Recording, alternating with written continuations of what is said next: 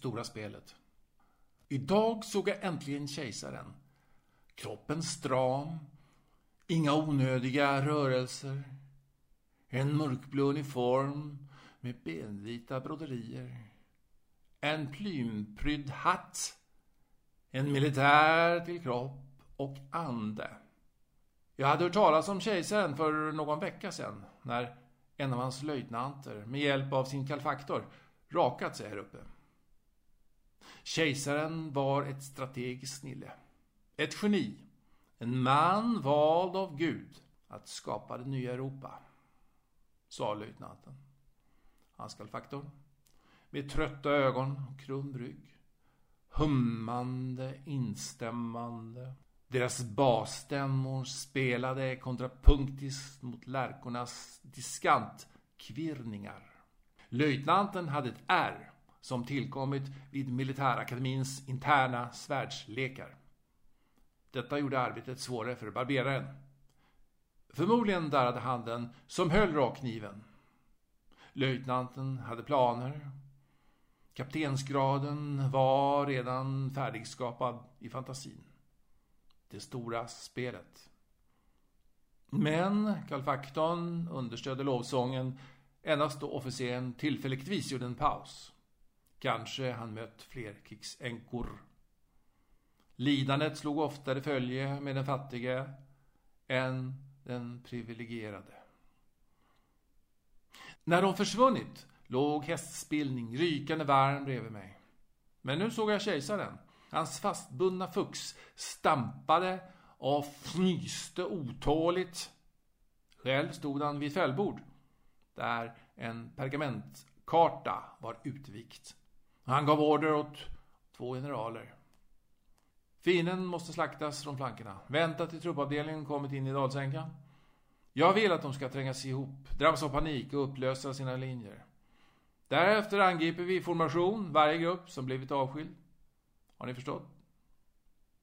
Generalerna svarade kort och gott ja. Tvivlet omslöts ljudlöst av plikten. Det stora spelet.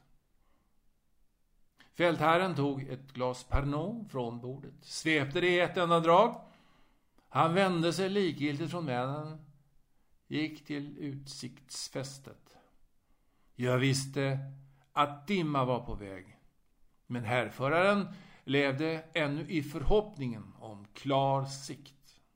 Under honom bredde växtligheten sin varsamma pläd över granitkroppen. Ännu lät sig fjärilarna förföras av ängsblomstrens erotiska essenser och lätt vajande på målet suga åt sig pistillnektarn. I trädet gungade nymornade kråkor och burrade då och då sävligt upp sina fjäderbuskar.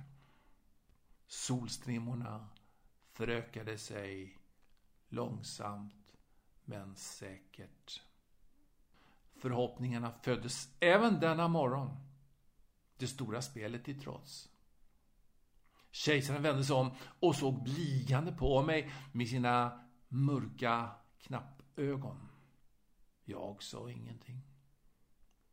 Ur rockfickan plockade han fram en skinnpåse som handen stacks ned i. Sockertopparna försvann ner i hans gap och han tuggade hårt och omsorgsfullt och länge. Tiden gick och fuxen gnäggade, men ryttaren stod fortfarande försjunken i sig själv.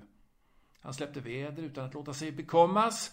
På avstånd ljöd trummor manliga, muntra marschtrummor som högg sönder naturens andningsrytm och delade in den i exakta fyra fjärdedelar. Jag visste vad det var. Jag hade varit med om flera fältslag. Jag visste att unga pojkar nu hörde sina hjärtslag för sista gången. Att lungor skulle punkteras av svärdsklingor.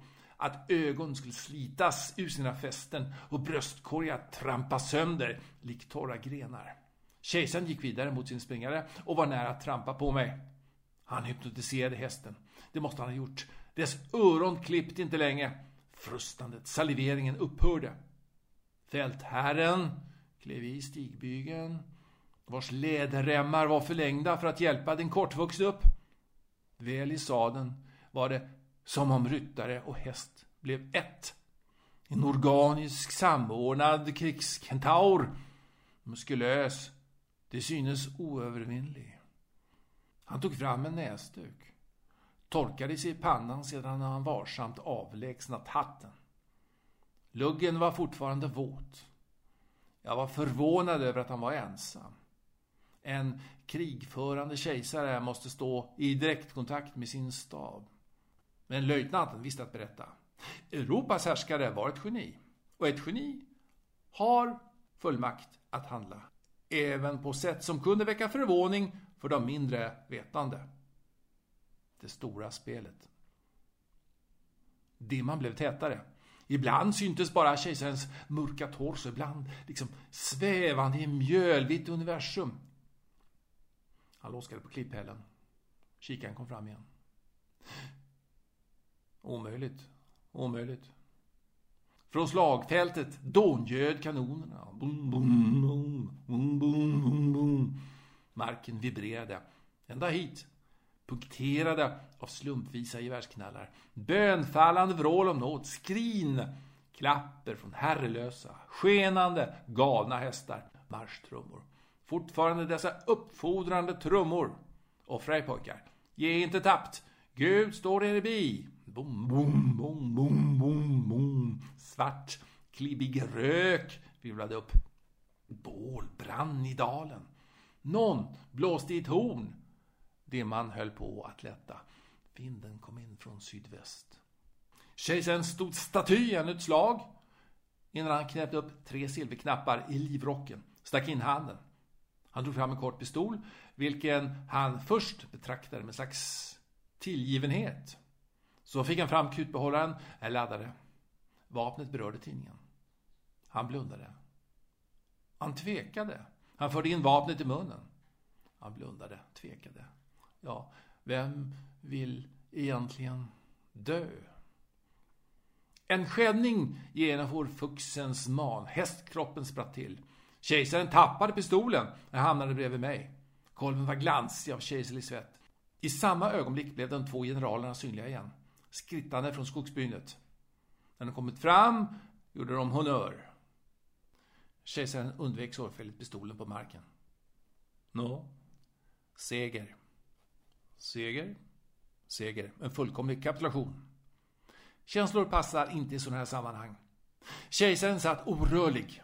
Men jag såg hur han drog den suck som var alldeles mänsklig innan kroppen ånyo blev stram och girig. Jag kunde läsa i hans ögon. Ett nytt Europa, en ny guldålder, rikedom, överflöd, makt, gränslös makt. Den starkares makt.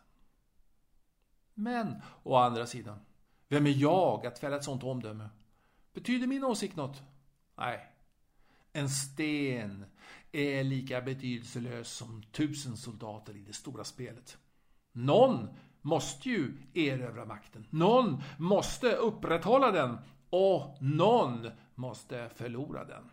Så har det alltid varit. Och därför, om kejsaren trampar på mig, vet jag att behärska mig. Jag skulle vilja ge hals, men tiger mot stilla med min förödmjukelse. Det har varit vår uppgift stenarnas uppgift att tyst bevittna det stora spelet medan det pågår. Bära dessa tunga kroppar på våra axlar utan knot, se och höra utan ingripa. Men jag skulle vilja stanna upp det stora spelet bara för ett ögonblick.